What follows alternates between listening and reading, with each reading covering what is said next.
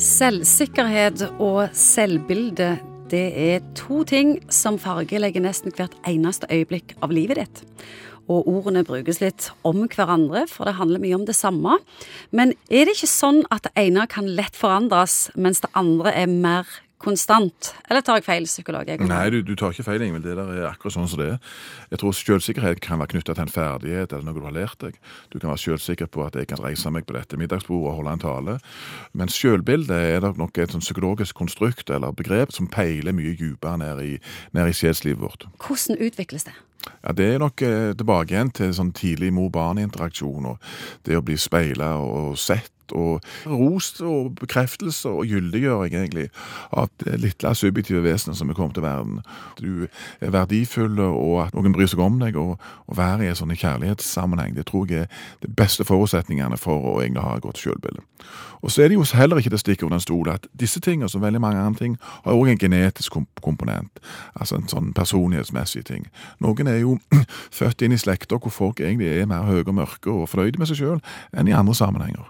Så sånn livet er grunnleggende urettferdig i forhold til disse tingene. Hva kjennetegner et dårlig selvbilde? Et dårlig selvbilde er jo mer usikkerhet på hva din egen verdi er.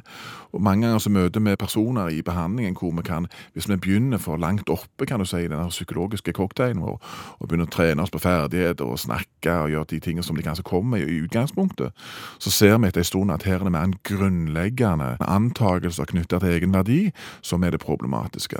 Du vil ikke være interessert i å bli mer effektiv i forhold til å finne deg gode partnere hvis du i utgangspunktet ikke syns du fortjener det. Jeg er jo dritt, så da må jeg liksom bare være i dårlige forhold osv.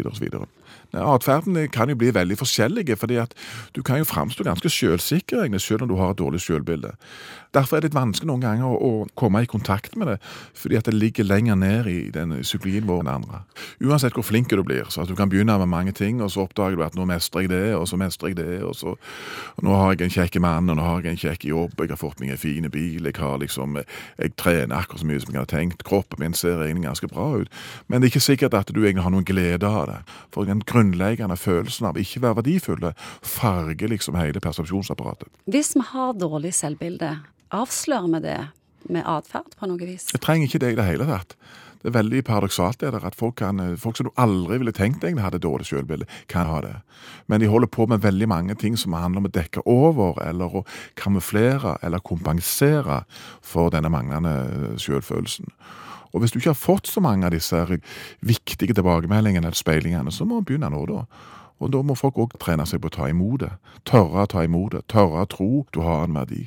Så du sier at det går faktisk an å få et godt selvbilde? Det går an å bevege seg den veien, ja. Og veldig mange av de tingene som er nye ting, handler om å adressere denne type grunnleggende antakelser knytta til egenverdi. Hvordan kan vi få et bedre selvbilde og en passe grei selvtillit? Det er lurt å lære seg ting. Hvis du bare sitter ute på en åker sant, og drikker øl og ikke lærer noen ting, så skal noen ting få så grella bra selvsikkerhet. Så du må liksom tørre ting, gutse ting. Og så er det på en måte òg å trene seg på å si at det er ikke så verst, egentlig. Jeg har greid meg egentlig ganske bra. Utrolig nok. Og liksom være litt sånn sjenerøs og grei med seg sjøl. Tenk hvis vi kunne vært like greie med oss sjøl som vi er med andre. Sant.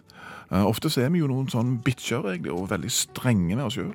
Og det å trene seg på å være mindre streng, mer sjenerøs og rundhånda i forhold å gi seg sjøl uh, skrøyt, altså.